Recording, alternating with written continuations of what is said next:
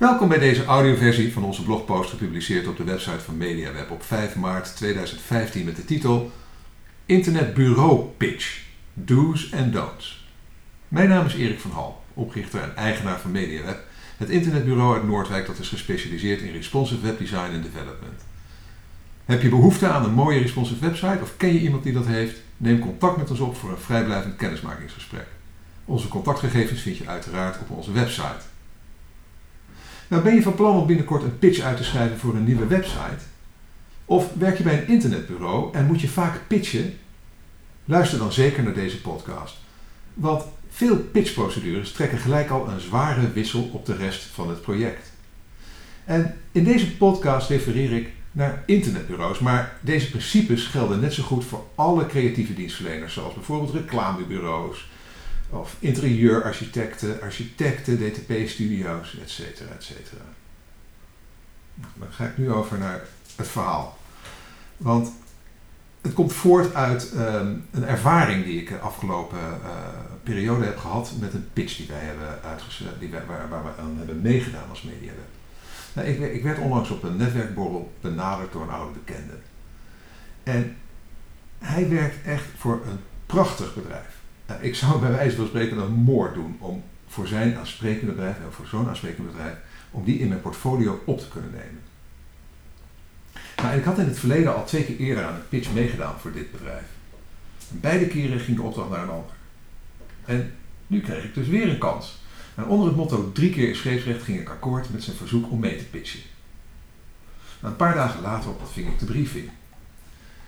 En toen ik die briefing las, fronste ik al snel mijn wenkbrauwen.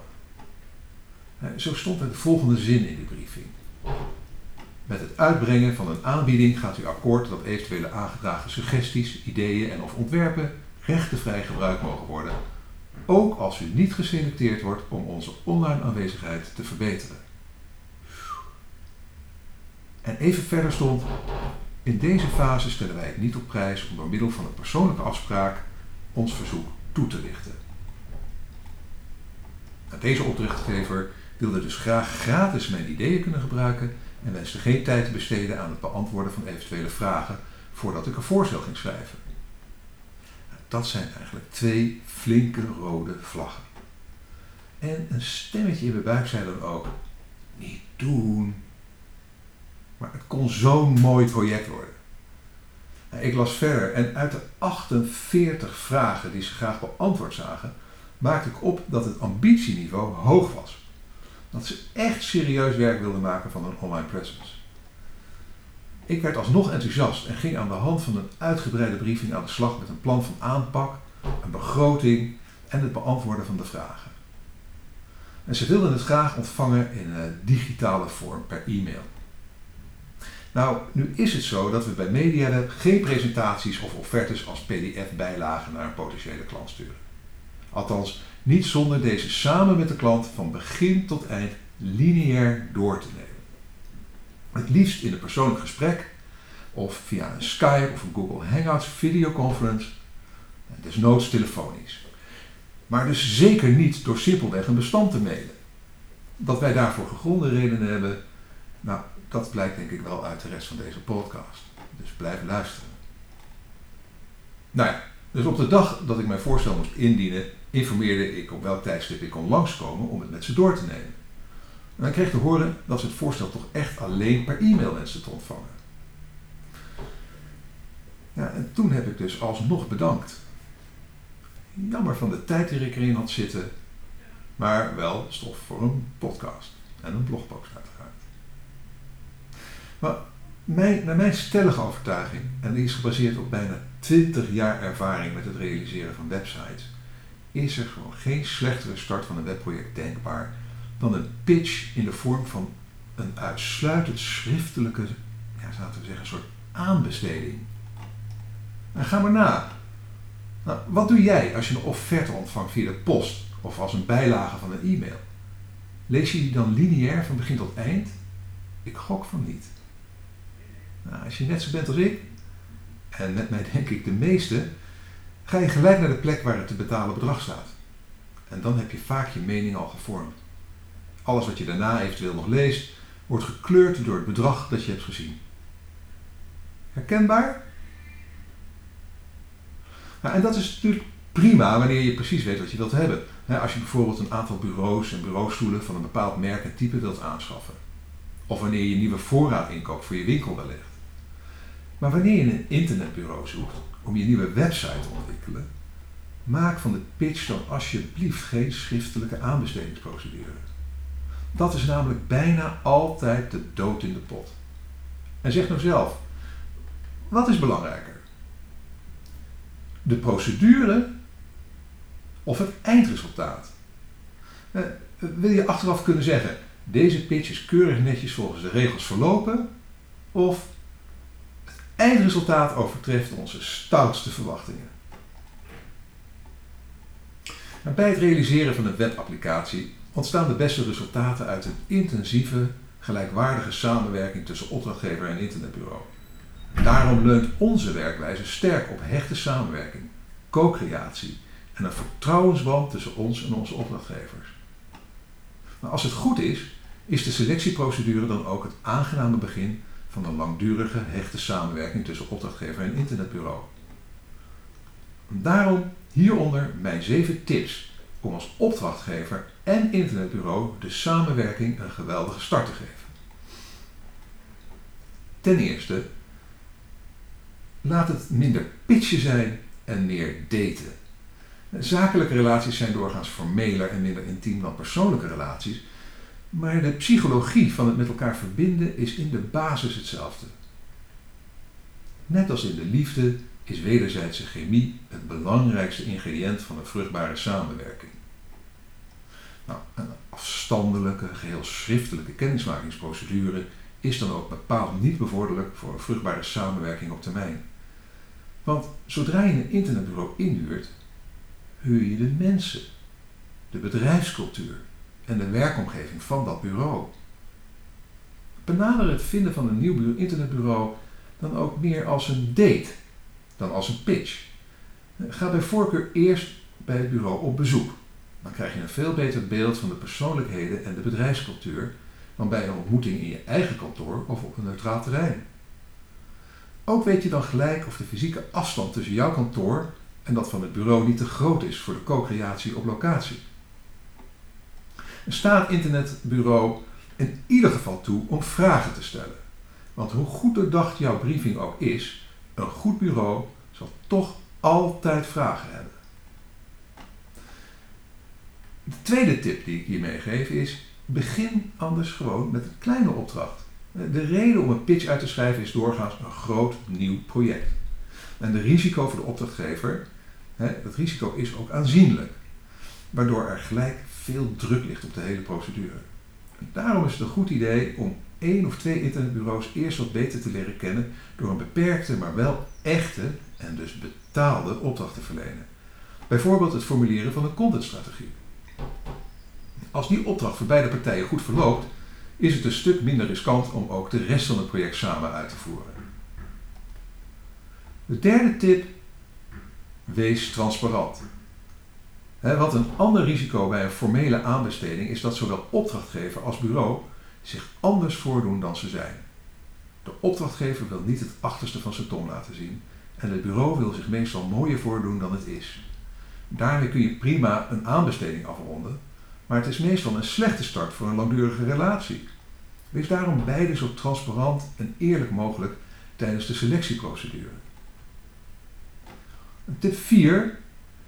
Betrek altijd de uiteindelijke beslissers erbij. Maar ik gaf eerder al aan dat de reden voor een pitch vaak een groot en nieuw project is. Een project dat ingrijpende veranderingen kan vergen van de organisatie. Veranderingen die zonder de steun van de uiteindelijke beslissers nooit zullen plaatsvinden.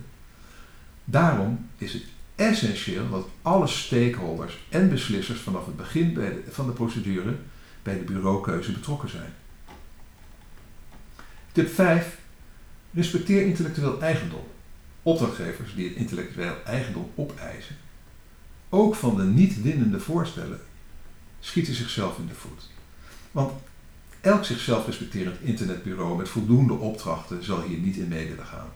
En wat gesteerd zijn de bureaus die zitten te springen om opdrachten.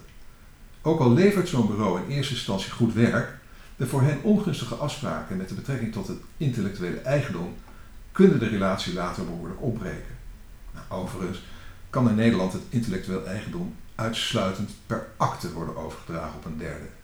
Dus zo'n zinnetje in de briefing die ik onlangs kreeg, is voor de opdrachtgever eigenlijk best riskant. Want een afgewezen bureau zou, nadat de opdrachtgever een afgewezen idee of ontwerp toch gebruikt, alsnog via een juridische procedure een vergoeding kunnen eisen.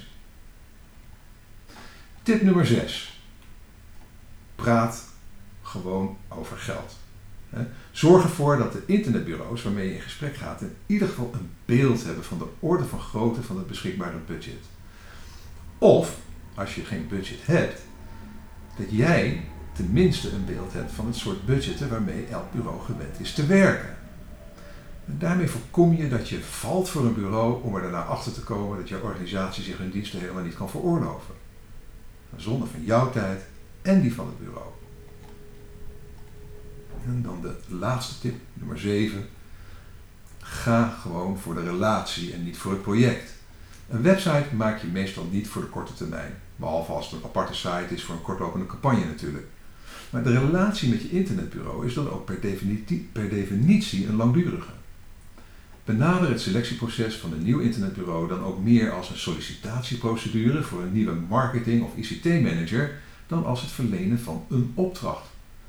Want net als tal van professionele managers hebben veel internetbureaus de vereiste vaardigheden in huis. Maar daarvan passen er slechts een paar ook echt bij jouw organisatie. En zelfs de meest doordachte pitchprocedure brengt dat laatste niet aan het licht. Voer daarom intensieve, individuele gesprekken met de betrokkenen bij het internetbureau. Kom erachter waar ze in geloven, waarvoor ze doen wat ze doen. Waar zijn ze op uit? Komen de verhalen overeen? Zijn het geen ja-knikkers? Kunnen ze goed luisteren? Stellen ze zinnige vragen? En zou je ook met ze verder kunnen als ze voorstellen presenteren die je in eerste instantie niet bevallen? Als je als opdrachtgever of als internetbureau op basis van de bovenstaande zeven punten tot samenwerking komt, voorkom je dat je eindigt met een website die alle punten van de briefing afvinkt, maar die niemand weet te inspireren. Dan heb ik ook een mooi voorbeeld van hoe het wel kan. Eh, een jaar geleden deden we mee met een pitch die in onze ogen perfect was georganiseerd.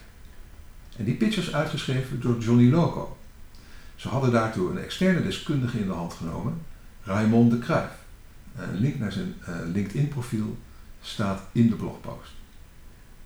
Nou, een eerste kennismaking, eh, en ik, overigens raad ik je echt aan als je een pitch gaat uitschrijven en niet zo goed weet hoe je het moet aanpakken om hem gewoon te bellen die Raymond, dan, uh, dan komt het dik voor elkaar. Maar goed, een eerste kennismaking ging uh, bij die procedure via een e-mail. En, um, en ik ben heel even de draad kwijt, uh, maar ik, kom, ik ben zo weer bij hoor. Sorry, daar gaan we weer. Ja, nee, de eerste kennismaking was een e-mail ehm, waarbij Johnny Loco een longlist van 10 bureaus benaderde. En op basis van de e-mailcorrespondentie nodigden ze vijf bureaus uit voor een kennismakingsgesprek. En dat gesprek was heel open. Johnny Loco was duidelijk over hun uitdagingen en doelstellingen. En we kregen alle gelegenheid om vragen te stellen. Vervolgens kozen ze drie bureaus uit die een betaalde pitch mochten doen. Aan de hand van een goed geformuleerde briefing, waarna ze hun definitieve keuze maakten. In dit geval kwam uiteindelijk MediaWeb als winnaar uit de bus. Maar eerlijk waar, ook als we die pitch niet hadden gewonnen, hadden we deze procedure als bijzonder aangenaam en inspirerend ervaren. Nou, zoek je zelf nu een internetbureau en spreek onze aanpakje aan. Neem dan contact op met ons op voor een vrijblijvende afspraak. Bedankt voor het luisteren. Nou, als je goed op de hoogte wilt blijven, schrijf dan in op onze nieuwsbrief trouwens.